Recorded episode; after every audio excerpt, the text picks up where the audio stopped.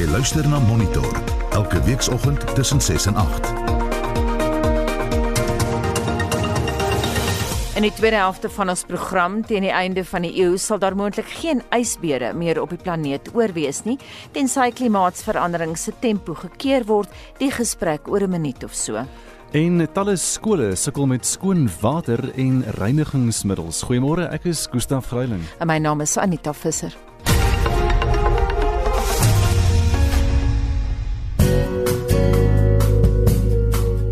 Die weer vir vandag, die 23ste Julie, is uitgereik deur die Suid-Afrikaanse Weerdiens.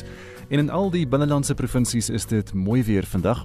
Pretoria word 22, Johannesburg 20 en Vereniging ook 20 grade. Mbombela word 18, Polokwane ook 18 vandag en dan aan die ander kant Noordwes provinsie 23 in Mahikeng en so 22 in Vryburg vanmiddag. In die Vrystaat word dit 22 in Bloemfontein en in Noord-Kaap 24 in Kimberley en 26 in Appington vanmiddag.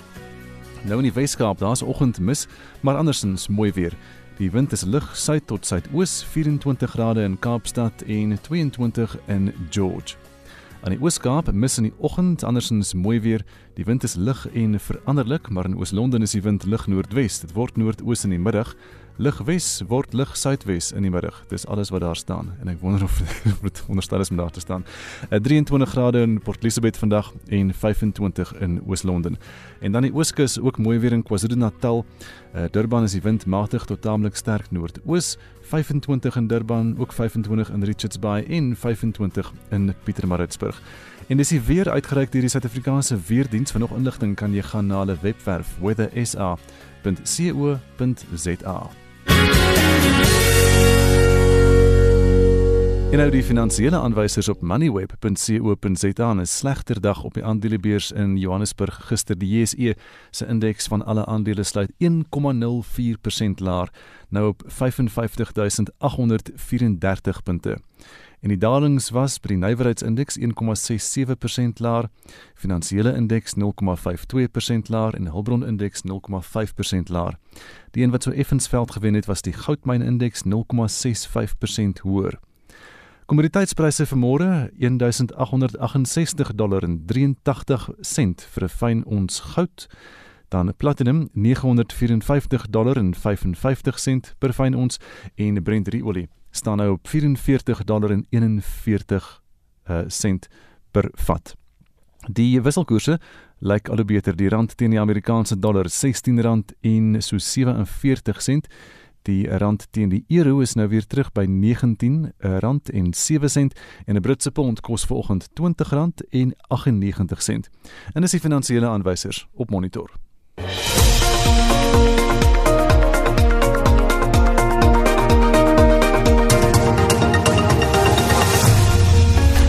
8 minute oor 7 is ingeskakel hier by Monitor op RSG en aan die einde van die 21ste eeu sal daar moontlik geen ysbere op die planeet oorwees tensy ons klimaatsverandering se tempo kan keer nie.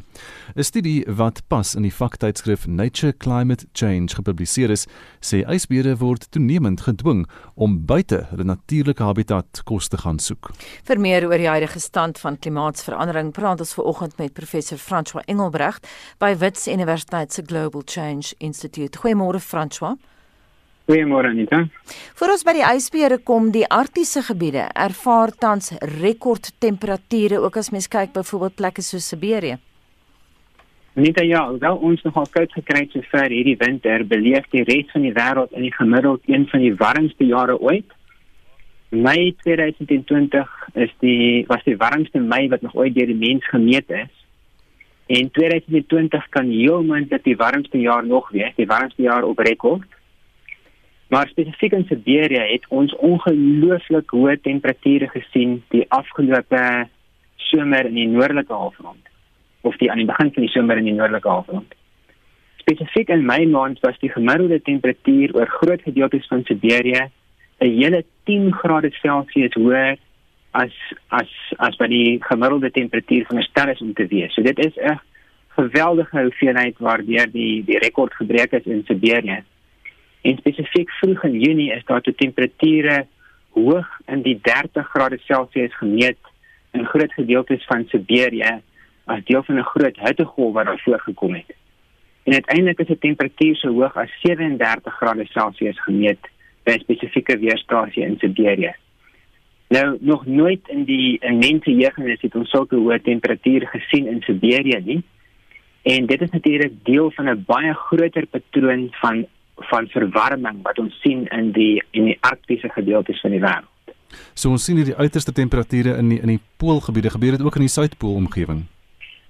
Ja, dis daar ehm um, vir dis dis miskien nie so verbasend nie, maar dieselfde proses is aan die werk in die suidpool. En net 'n maand wat gelede is daar nuwe 'n nuwe studie gepubliseer wat wat opnuut gekyk het na die nuutste rekords van weerstasies versprei oor Antarktika. En die bevinding is dat oor die afgelope 30 jaar het Antarktika warmer geword, uh, teen 'n vinniger tempo warmer geword as die res van die wêreld, min of meer 3 keer so vinnig as die gemiddelde toename in die wêreldtemperatuur. En miskien ook nie so verbasend nie, ons het ook die afgelope paar maande gesien dat spesifieke temperatuurrekords gebreek word in Antarktika. So vir die heel eerste keer in Februarie vanjaar het ons ook 'n hittegolf gesien vorm oor die oostelike gedeeltes van Antarktika miskien die laaste deel in die wêreld waar mense hittegolf sal sal verwag. En uiteindelik is die temperatuur is die langtermyn temperatuurrekord van Antarktika ook gebreek. Hier is 'n temperatuur van 'n hele 18.3 grade Celsius gemeet by een van Argentinië se weerstasies. Hm. So so beide pole is besig om om baie vinnig op te warm vinniger as die gemiddelde temperatuurtoename wêreldwyd. Nou klimatoloë sê seeys wat langer as 1 jaar in die arktiese gebiede bly, het verminder met 13% sedert die monitering daarvan in die laat 70er jare begin het. Het jy meer inligting daaroor François? Ja, Anita, dit is eintlik iets wat ons moet verwag, want soos die aarde warmer word, Ehm um, sien ons natuurlik eerstens die smelting van die wêreld se gletsers wat besig is om met teen 'n toenemende toename plaas te vind. En dit sluit in die geleidelike wegsmelting van die groot ysplate bo Antarktika en ook bo Groenland. Maar dan ook die see-ys wat vorm rondom Antarktika. En dan spesifiek ook bo die Noordpool. Die see-ys is ook besig om geleidelik af te neem in 'n warmer wêreld die tempo van afname oor die laaste paar dekades is 'n hele min of meer 'n 13% afname per dekade wat natuurlik 'n baie groot afname is. En hierdie wegsmelt van die see-ys is 'n belangrike rede hoekom die arktiese gebiede so vinnig opwarm. Want ys het see-ys natuurlik die die eienskap dat dit sonlig terugkaats ruimte toe voordat die sonlig die aardoppervlak kan verwarm. Maar soos wat die see-ys toenemend minder en minder word in 'n warmer wêreld, beteken dit al hoe meer sonlig tref die oppervlak van die oseaan, beweeg dan in die oseaan in verwarm die oseaan wat die hele proses van verwarming versnel.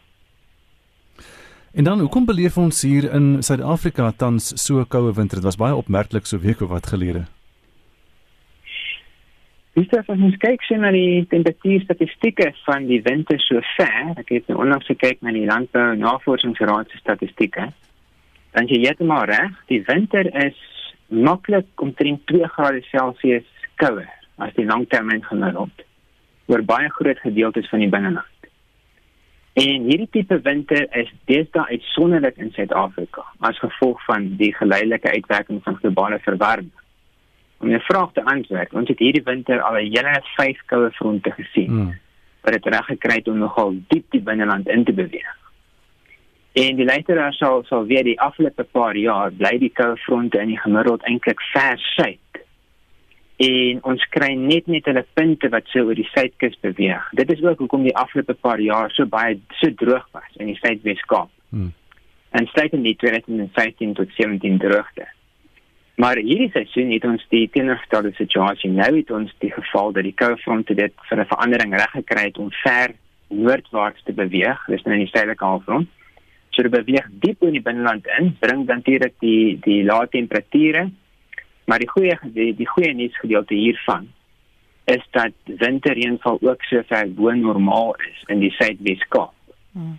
So van Kaapstad noordwaarts tot in die noordelike gedeeltes van die Noord-Kaap al met die westelike plateau aan noordwaarts is die reënval so ver bo normaal hierdie winter. Ons praat vanoggend met professor François Engelbrecht by Wits Universiteit se Global Change Institute.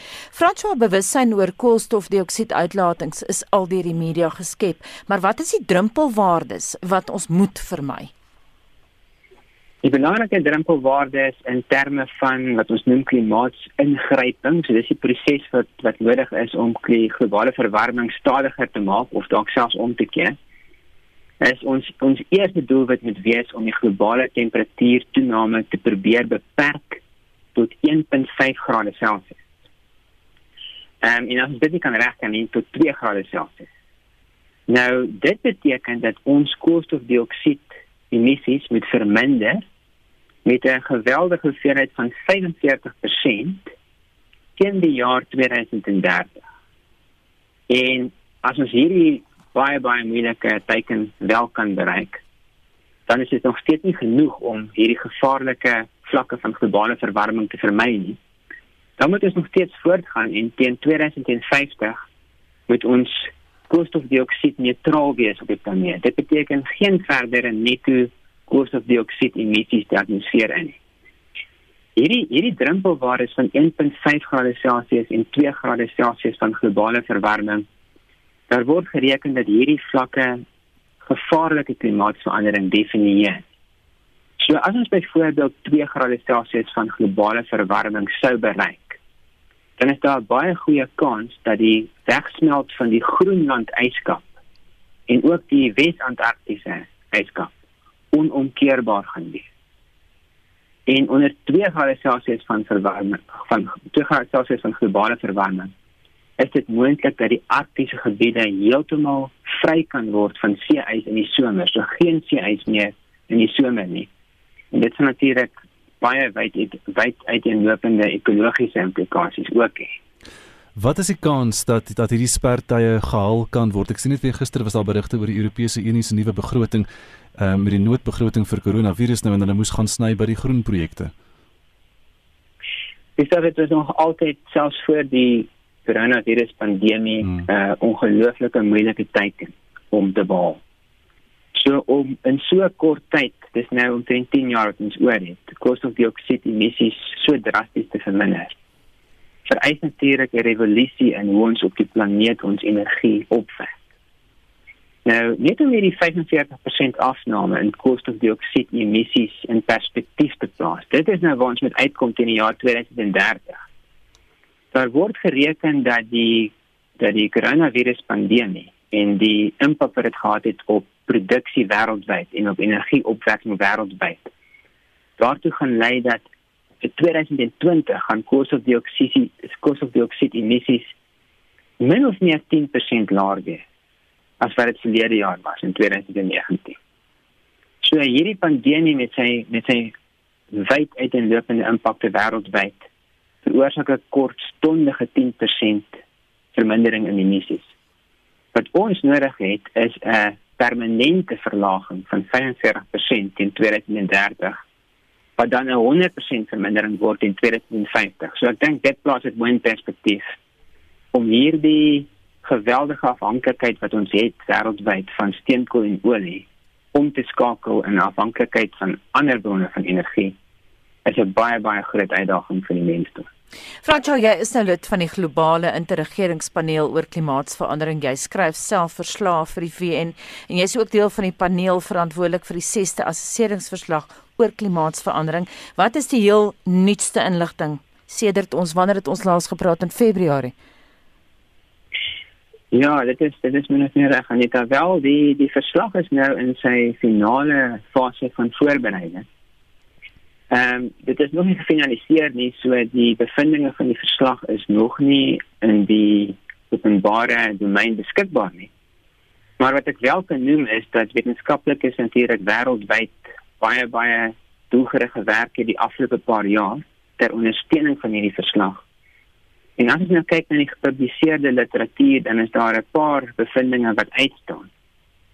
Die eerste is dat daar aanduidings is dat die tempo van globale verwarming selfs vinniger plaasvind as wat die skattings was in die vorige assesseringsverslag wat nou terugdateer na 2014.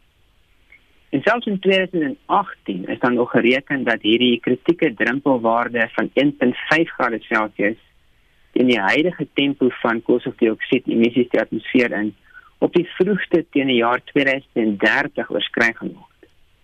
Maar die nuutste aanduidings is dat ons al die eerste jare wat 1.5 grade Celsius warmer as die langtermyn gemiddeld dalk reeds binne die volgende 5 jaar kan sien. Die kans daarvoor is net so 20%, maar dit is skokkend om te dink dat ons hierdie drempelwaarde al reeds vir die eerste keer kan oorskry binne die volgende 5 jaar. Dit sal nie 'n permanente oorskryding wees nie, maar dit gaan die eerste jaar wees waar ons oor daai daai drempelwaarde gaan. Dan sal die aarde waarskynlik weer sak tot onder dit, maar dit is 'n dis 'n groot gevaarteken. Dit is om op pad is om hierdie gevaarlike drempelwaarde permanent te oorskry. Da, ek, ek, ja. Daar is natuurlik steeds uh, diegene wat sê ehm um, klimaatsverandering is deel van 'n natuurlike siklus dat die aarde gaan maar deur sy ystydperke en sy warmtydperke. Is daar nog klimatoloë wat wat daardie denkrigting volg? Dit is ek dink dit is enige gerespekteerde Suid-Afrikaanse klimatoloog wat so 'n standpunt huldig nie. Hier en daar kom er wel kom jy self nog mense te wat 'n agtergrond het in die wetenskap, maar nie spesialiste klimatologie nie wat wat hierdie tipe uitsprake maak. Dis 'n baie groot miskonsepsie. Mhm. Mm dit is dit is waar dat die aarde as gevolg van natuurlike prosesse deur grootskaalse ystydperke gaan, wat dan weer opgevolg word deur warm warm periode. Maar die groot verskil wat hierdie natuurlike prosesse betref in vergelyking met ons wat ons vandag waarneem, is die tydskaal waaroor dit plaasvind. Die die wêreld beleef in die gemiddeld elke 40000 jaar 'n groot ystydperk. Hmm. En sedert die laaste groot ystydperk sy piek bereik het, dit was minder as 21000 jaar gelede. Het die aarde oor 'n tydperk van 20000 jaar geleidelik opgewarm. Die die die die toename in temperatuur in die gemiddeld oor hierdie 20000 jaar periode word gereken dit is iets so tussen 2 en 4 grade Celsius. Wat nou besig is om plaas te vind, is dat ons die aarde al reeds verwarm het effektiewelik in omtrent 5 dekades van grootskaalse en intense koolstofdioksied emissies in die atmosfeer in met omtrent 1 graad Celsius.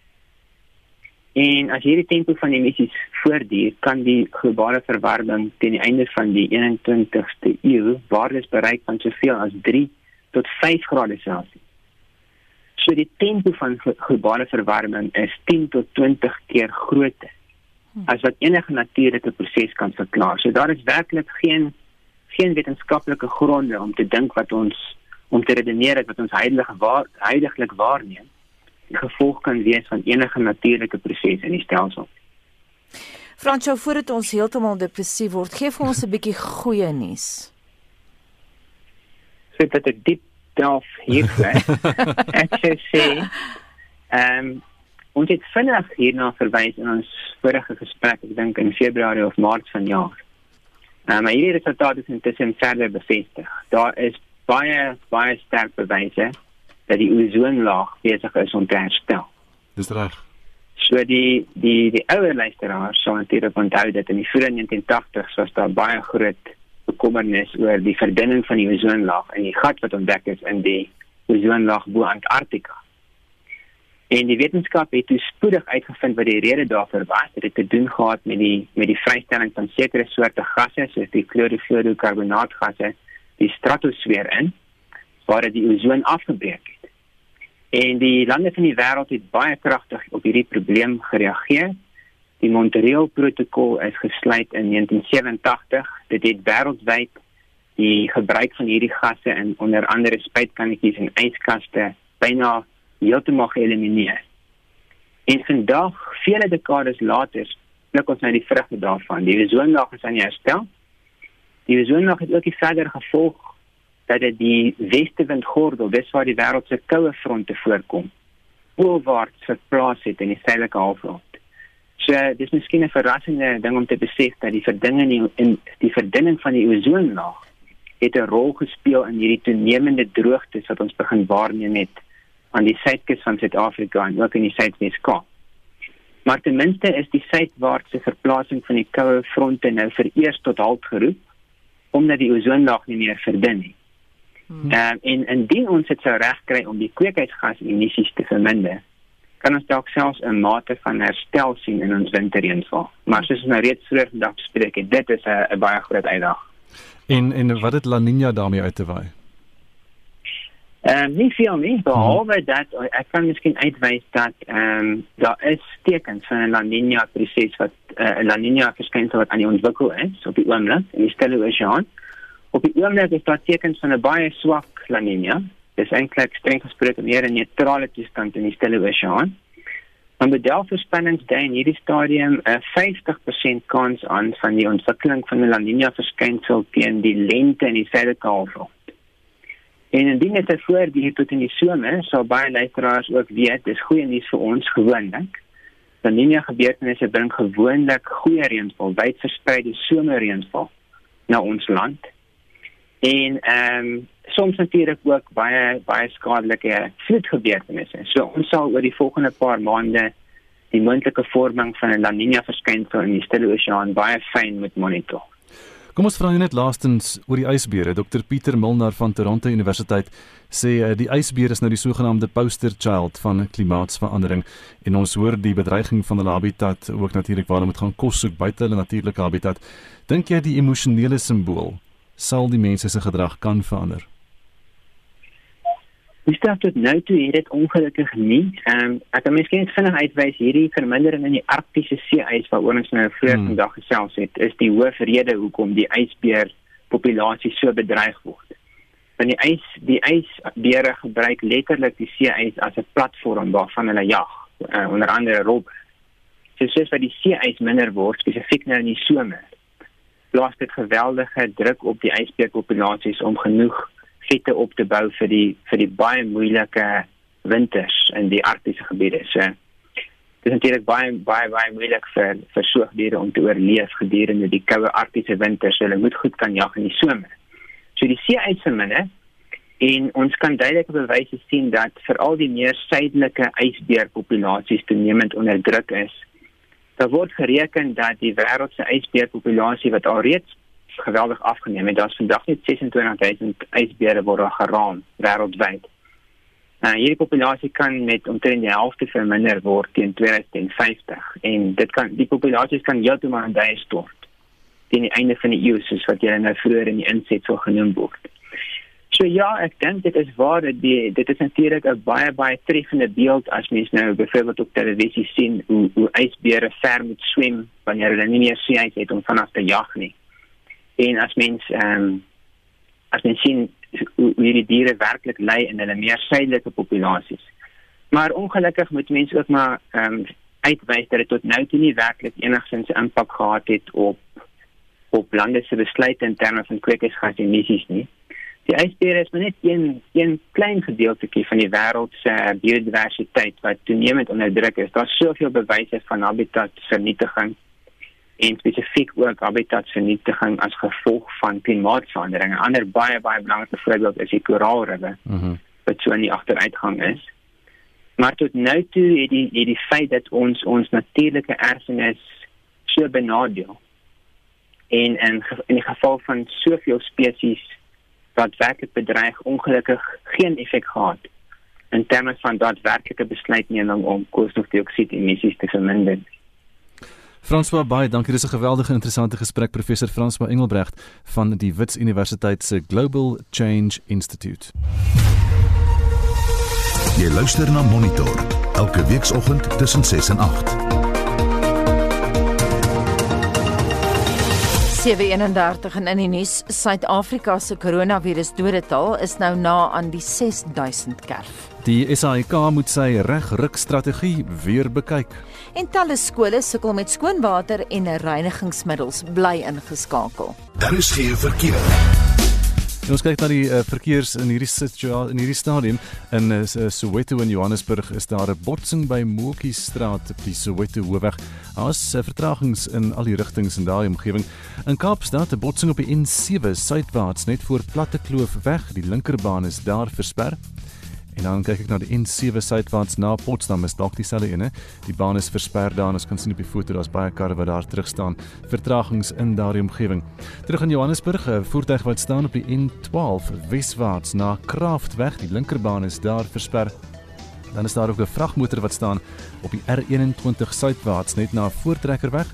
Die linkerbaan is versper en dan is daar die kragtweg 1 en dis min of meer wat aan die gang is in die verkeer in hierdie stadium. As jy weet van enigiets anders, dan kan jy vir ons 'n SMS aanstuur na 45889 en dit kos R1.50. Ironiese studie vanoggend hier op monitor. Die uh, minister Dlamini Zuma wil nie hê Suid-Afrikaners moet hulle sigarette deel met mekaar nie van daardie taboe op rook. Maar nou het die Universiteit van Kaapstad bevind dat Suid-Afrikaners meer as ooit hulle sigarette deel en natuurlik ons het ook gepraat oor die swartmarkpryse maar luisteraars het baie vanoggend daaroor te sê. As 'n mens vir rook gaan jy rook. As jy wil drink gaan jy drink. Ja ek het nog altyd gerook en ek sal nog altyd rook Ek koop my sigarette by die dierste op die swartmark. Maar ja, ehm um, dis my lewe. Hulle kan nie my lewe vir my sê wat ek moet doen of wat ek nie mag doen nie. En baie mense rook ja en dis waar, baie mense deel nou meer sigarette omdat hulle so duur is, maar ek deel nie glad nie. Ek het nie opgehou rook nie. Koop my sigarette ten duurste, maar ek rasioneer dit sodat 'n pakkie my ten minste 2 of 3 dae hou waar dit normaalweg eendag sou gewees het want ja kan dit nie altyd bekostig nie en 'n mens moet maar versigtig wees met wat jy koop want op die einde van die dag is dit ook maar nadelig as jy net sommer enigiets rook. Hierdie uh minister Lamini Zuma is nou besig om uh, die, die mense te dryf na na corona toe. Want uh, jy kry nou 5 ouens elkeen laat R2, hulle koop 'n loose draw, dan is daar nou 5 ouens wat dan een sigaret rook. So so help sy aan dat laat die mense corona kry. Wat sê jy laat hulle liefste die sigarette losmaak dat die mense elkeen sy eie sigaret kan rook. Dit sê die corona baie verminder. Ons koop pyp tabak op die swartmark. My man rook pyp. Ek rook ook soms pyp. Ek draai maar vir my 'n uh, sigaret uit koerantpapier en ehm um, gebruik sy twak. Ek dink is baie onregverdig dat hulle nie die sigarette oopgemaak het nie. Daar sal nie so baie geweld gewees het teen vrouens en kinders en moorde en al daai goed. Dis nou 24 minute voor 8:00 is ingeskakel hier by Monitor op RSG en ons kyk nou na die wêreldnuus in Amerika is federale polisie ontplooi om die orde te herstel in verskeie van die state en dit vorm glo deel van president Donald Trump se verkiesingsveldtog om orde in die land te herstel. Marlene Forsie sluit by ons aan met die jongste besonderhede. Môre Marlene. Môre Gustaf, die besluit deur Trump word wyd gekritiseer in die betrokke deelstate sê hulle het dit nie nodig nie. In Portland, Oregon, waar teenrasisme betogings nou reeds 8 weke lank voortduur, is al juis voor die week gevra dat die magte aan die gebied onttrek word. Jonathan Meyer van Shepherd Mullen is 'n kenner op die gebied. Hy sê die herstel van openbare orde is nie deel van die mag se mandaat nie en dat dit nie strook met die grondwet nie. They are officers who usually are doing immigration related work, border related work, or protecting federal buildings. They are not in the business typically, nor are they trained to conduct normal law enforcement on the street. Um, and so this would be a very new sort of task for them to undertake. In Portland, for example, under Oregon law, federal forces may come in, but at the invitation of the state. And to my understanding, that has not happened. Dit was Jonathan Meyer van Shepherd Mullen en ons hou verwikkelinge in die verband dop. Nou die betogings volg op die dood van die swart man George Floyd nadat die voormalige polisieman Derek Chauvin op sy nek gekniel het met sy knie. Chauvin is aangekla van moord en manslagting, maar kom nou ook te staan teen verskeie aanklagte van belastingontduiking van minstens 400 000 rand saam met sy vervreemde vrou. En dan spanning tussen Amerika en China is intussen weer aan die oorkook en die keer weens 'n opdrag aan die Chinese konsulaat in Houston in Texas om sy deure te sluit. Die minister van buitelandse sake, Mike Pompeo, sê die besluit is geneem omdat die kommunistiese regering van China in sy woorde intellektuele eiendom oor COVID-19 van Amerika en Europa steel. China veroordeel die oortuigings en sê op die beer dat lede van die ambassade in Washington toenemend doodstrygemente ontvang. Die COVID-19 pandemie is intussen wêreldwyd sy tol op die ekonomie met rekordlaagtepunte wat aangeteken word. Suid-Korea, Asië se vierde grootste ekonomie, is in resessie. Die BBP het intussen op hierdie stadium met so 2,9% gedaal in jaar tot jaar terme. Dis die skerpste daling sedert 1998. Na alle aanduidings is Japan en Singapore nou ook in resessie. En in Australië is die grootste begrotingstekort sedert die Tweede Wêreldoorlog aangeteken. 'n Agterstand van minstens 86 miljard dollar is sover in 2020 aangeteken en 'n begroting begrotingstekort van 184 miljard dollar word vir volgende jaar voorspel. In uh, Israel loop die gemoedere hoog oor die regering se hantering van die kwessie en nuwe wetgewing is ingestel wat die regering die mag gee om strenger inperkingsregulasies af te dwing. En dit het nou te doen met die COVID-19 pandemie. Nou Israel is aanvanklik geloof vir sy hantering van die pandemie, maar teen minstens 1000 nuwe gevalle per dag en ekonomiese stremming begin inwoners vertroue in die regering verloor. There's no agenda. There's nothing organized. There's only chaos. People are dying. There's a, a, big section, you know, the restaurants, the bars, the nightlife, tourism. Hundreds of thousands of people are living off this work and they just don't give a damn. En op die Palestynse grens word daar ook nie doekies omgedraai nie. Shut down. That's it. The government doesn't even want to negotiate. It doesn't matter to them if all the employees starve. They don't care. They have food and their children are well looked after. Inwoners steur hulle intussen toenemend minder aan inperkingsregulasies. En ons eindig vanoggend se wêreldnuus in Mexiko waar dit blyk of die eerste mense heelwat vroeër in die Amerikas voorgekom het as wat daar aanvanklik gedink is. 'n Fonds van sowat 2000 stukke klipgereedskap in 'n grot in sentraal Mexiko toon dat mense reeds 33000 jaar terug hier gewoon het en ons volg die storie op. En dit was dan Marlene Forsie met 'n oorsig van wêreldnuus gebeure. Terugtuis in Suid-Afrika, die infrastruktuur uitdagings by skole is gister in die parlement in Kaapstad bespreek. Antwoorde is geëis oor die lewering van water en reinigingsmiddels aan skole, asook die verskaffing van persoonlike beskermende beskermende toerusting. Celine Merrington het meer. Die departement van basiese onderwys sê hulle ervaar verskeie struikelblokke as dit kom by die verskaffing van water by sommige skole.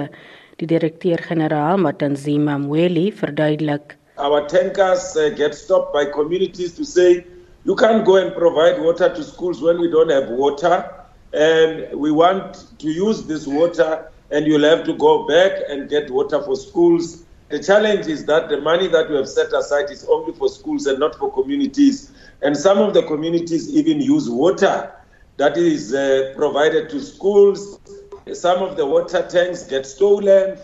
'n ANC lid van die komitee, De Paul Peters, het kwessies oor die kwaliteit van persoonlike versorgingstoerusting by skole geopper. The quality of the PPEs and the quality of the sanitizers, they are indicators equally so again shown by teachers that some of the sanitizers is just water. Whilst we know that in some of the schools, children are playing with the sanitizers, but we also want to say, DG and Minister, those service providers who gave us these watery sanitizers must really be blacklisted. Sy is ondersteun deur die EFF lid Natasha Ntlangwini. Let's call it as it is, the fake sanitizers. We should have by now blacklisted, as Honorable Depos have said, those suppliers, or in fact, better yet, to go and open up criminal cases because that is attempted murder. To sell a sanitizer that doesn't have, and you know for a fact that it doesn't have 70% of the alcohol requirement that the sanitizer should have. We shouldn't leave or let our kids be at risk like that, Minister. Maar die minister Angie Motshega sê dit is gedeeltelik as gevolg van die uitdaging om plaaslike verskaffers te vind. But the other problem again, Chair, around procurement is also getting the balance right. And in terms of economies of scale, but also being able to get the right product. You see, you will go to a province like Eastern Cape where there is no industrial capacity to think you'll buy sanitizers. That's why they finally give you water. Whereas, again, it's the whole question about balancing, getting your balance right to say there is no company that is producing alcohol in the Eastern Cape. Dit was die minister van basiese onderwys Angie Motshega, Zelene Merrington, Parlement. Dis nou 21 minute voor 8 en Agri SA sê die afgeskaalde begroting van kernstaatsdepartemente gaan landbou ondermyn as spulpunt vir groei. Die adjunk uitvoerende direkteur van Agri SA, Christo van der Rede, sê besnoeiing op staatsamptenare se salarisse sou 'n beter plan gewees het. Hy gee meer besonderhede oor die tipe besparing wat gedoen is, asook die gevolge daarvan. Ons sien dat die begroting vir uh, restituisie ook vir grondhervorming, ook vir die verskillende landbouhulpprogramme is almal afgeskaal. Dit is vir ons 'n groot groot uitdaging want dit beteken dat hierdie programme wat eintlik ten doel het om verdere groei in die sektor teweeg te bring, dat dit nou op die altaar geplaas word. Wat sal die gevolge wees hiervan? Jou opkomende boere wat afhanklik is van hierdie hulpprogramme en 'n befondsing vir infrastruktuurontwikkeling. Dit is die mense wat op hierdie stadium aan die koste ingaan trek. Tans is lande besig om 'n meesterplan saam te stel. Die groot vraag is, hoe gaan hierdie uitkomste bereik word uit die meesterplan? As daai befondsing op hierdie wyse afgeskaal word en as daar nie in die toekoms voorsiening gemaak gaan word vir addisionele befondsing nie, want die meesterplan het dan juist ten doel om opkomende boere te help. En dan sien ons ook dat die befondsing vir jou grondhervormingsprogramme en restituisieprogramme daar daai gelde is ook afgeskaal. En dit hou egter politieke implikasies in. Want ons is net bang dat omdat daar die geld is, nie, wil die regering dan die korter roete vat om dan oneiening sonder vergoeding te probeer regverdig.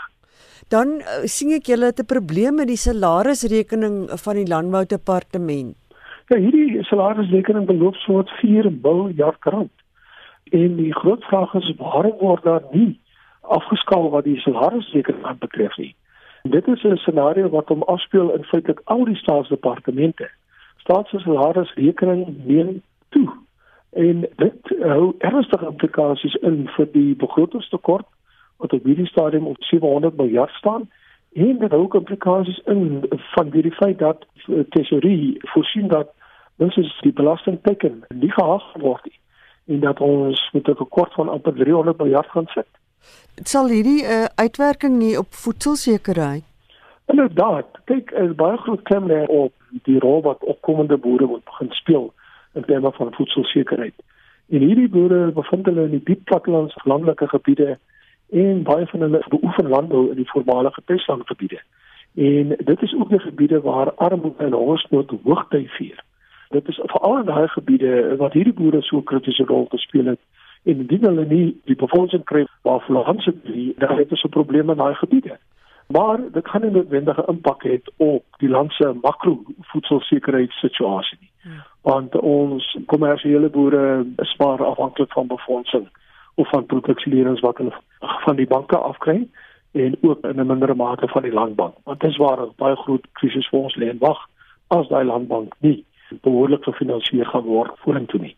Wat stel Agri Suid-Afrika voor? Wat sien julle as die oplossing? Daar's 'n ideologiese probleem binne die staat. Die staat se fokus op hierdie stadium is op welsyn en om geld te kanaliseer na welsynsprojekte toe. Nou hierdie krisis het groot nood daarby te veroorsaak en ons kan mos nou nie ons oë daarvoor sluit nie. Maar terselfdertyd, onthou die welsynsintervensies is maar 'n korttermyn ding. Ons moet gaan kyk na wat is die goed wat ons nou in plek moet sit om die land se ekonomie aan die gang te kry, om ekonomiese groei teweeg te bring. En dan moet 'n balans gevind word tussen intervensies wat op ekonomiese groei afgestem is, by ander woorde op welvaartskepping teenoor sosio-maatskaplike intervensies wat baie meer welsynsgeoriënteerd is. En ons is van mening dat die staat sou moet gaan kyk na sy salarisrekening. Hulle sal mense op groot skaal binne die staat skeidingspakkette moet aanbied sodat meer geld losgemaak kan word en gekanaliseer kan word na intervensies wat ekonomiese groei kan teweegbring en dan ook groter werkskeping tot gevolg kan hê. Nou Christie van der Rede, die adjunk uitvoerende direkteur van Agri SA het daar met Mitsi van der Merwe gepraat. Die Sagres Amanda stryd om verjaar vandag en hier is sy met La Viangos. De jeux qui font baisir la mer, un riz qui super sur la bouche. Voilà la potre sans retouche de l'homme auquel j'appartiens. Quand il me prend dans ses bras, il me parlait tout bas, je vois la vie en rose. Il me dit de mots d'amour, de mots de tous les jours, et ça me fait quelque chose. Il est tendre de mon cœur, part de bonheur dont je connais la cause. C'est lui pour moi, ma pour lui dans la vie. Il me l'a dit, l'a juré pour la vie. Et que je l'aperçois, alors je sens en moi mon cœur qui bat.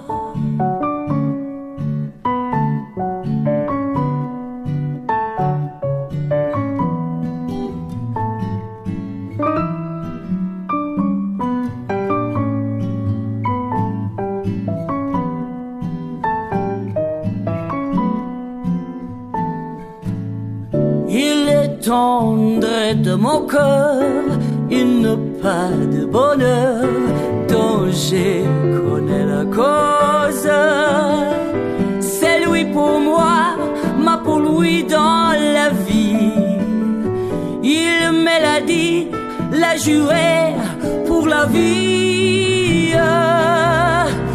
Et que je l'aperçois, alors je sens en moi mon cœur qui la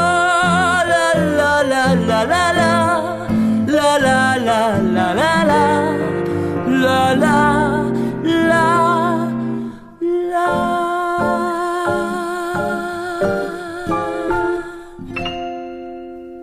Dit dan Amanda Strydom met Lavian Roos. Nou ons weet sy luister na Monitor en ons wil net sê baie geluk met jou verjaarsdag vandag. Dis nou 'n 9 minute voor 8 jy luister na Monitor op RSG en SAK nuusverslaggewer Anne Marie Jansen van Vuren berig gereeld oor kubermisdaad vir ons programme. Tog het sy die afgelope week self in die struik getrap om 'n OTP telefonies vir 'n swendelaar te gee wat voorgegee het dat hy van MTN se bedrogafdeling skakel. Die persoon het gemaak asof hy die OTP nodig het om 'n skerm te stop wat besig was om 'n SIM-kaartruiling op Anne-Marie se selfoon te doen. Maar hy was toe die skelm self wat die OTP gebruik het om al haar ligtyd na 'n ander rekening oor te plaas. Anne-Marie het met 'n kubermisdaadkenner by die Universiteit van die Vrystaat, Dr. Wikutse, gepraat oor wat 'n SIM-ruil transaksie behels. Die groot ding van SIM swap, soos dit algemeen bekend staan, is dit is 'n wederregtelike omruil van 'n SIM-kaart se identiteit. As mens na kuberkraak in die groter geheel kyk, 'n baie groot vorm van identiteitsdiefstal, waar mense persoonlike inligting so gesteel word dat dit namens jou aangewend kan word vir 'n magdom van aksies soos finansiële transaksies en waar jy aan die einde van die dag dan die party is wat skade ly in die verband. En as jou identiteit gesteel word, dan word jy verteenwoordig deur iemand anders in die digitale wêreld. Wanneer die SIM omruiling plaasvind, dat iemand wat binne in een van die selfoonverskaffer omgewings dan 'n swak plek identifiseer of 'n persoon geplant het of wat ook al die situasie mag wees, dan inligting bekom rondom jou nommer. Dink die manier hoe mense ook optree op die internet, koppel jou digitaal aan baie dinge sonder dat mense werklik bewus is daarvan wat jy dan feilbaar maak. Sosiale media, die verskillende sosiale plekke waar jy dan digitaal heen gaan, die ander plekke waar jy jou inkopies doen.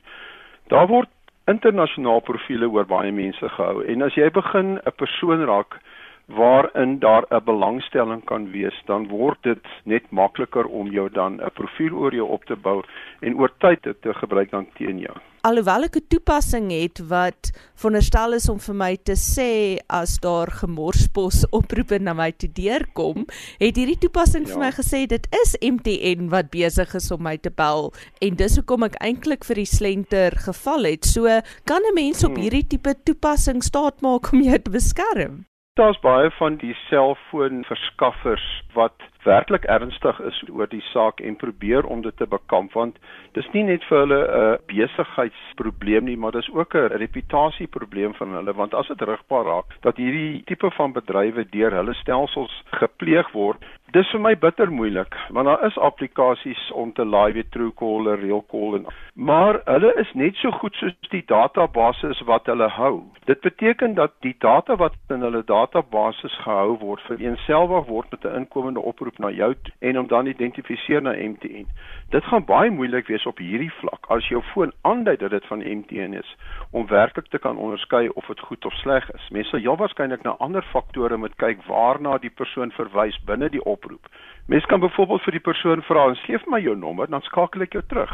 In baie van die gevalle, oomblik wat jy vir hulle daardie toetsvraag vra, raak hulle eenvoudig net weg in daai nommerlyn nie. Dan moet mens dadelik die rooi vlak begin raak sien. Hoe raak 'n mens nou eintlik bewus daarvan dat iemand besig is om jou hmm. SIM te probeer omruil? Die eerste aanduiding is wanneer jy jou selfoon optel en jy sien daar's geen diens, 'n no service indikasie op die foon om te sê hierdie foon is nou nie meer gekoppel aan 'n netwerk nie. 'n SIM-kaart het meer as een funksie. 'n SIM-kaart dra jou digitale identiteit. Die tweede ding wat 'n SIM-kaart doen, is die verbindingsmeganisme tussen jou selfoon en die diensteverskaffer wat jy dan gekies het.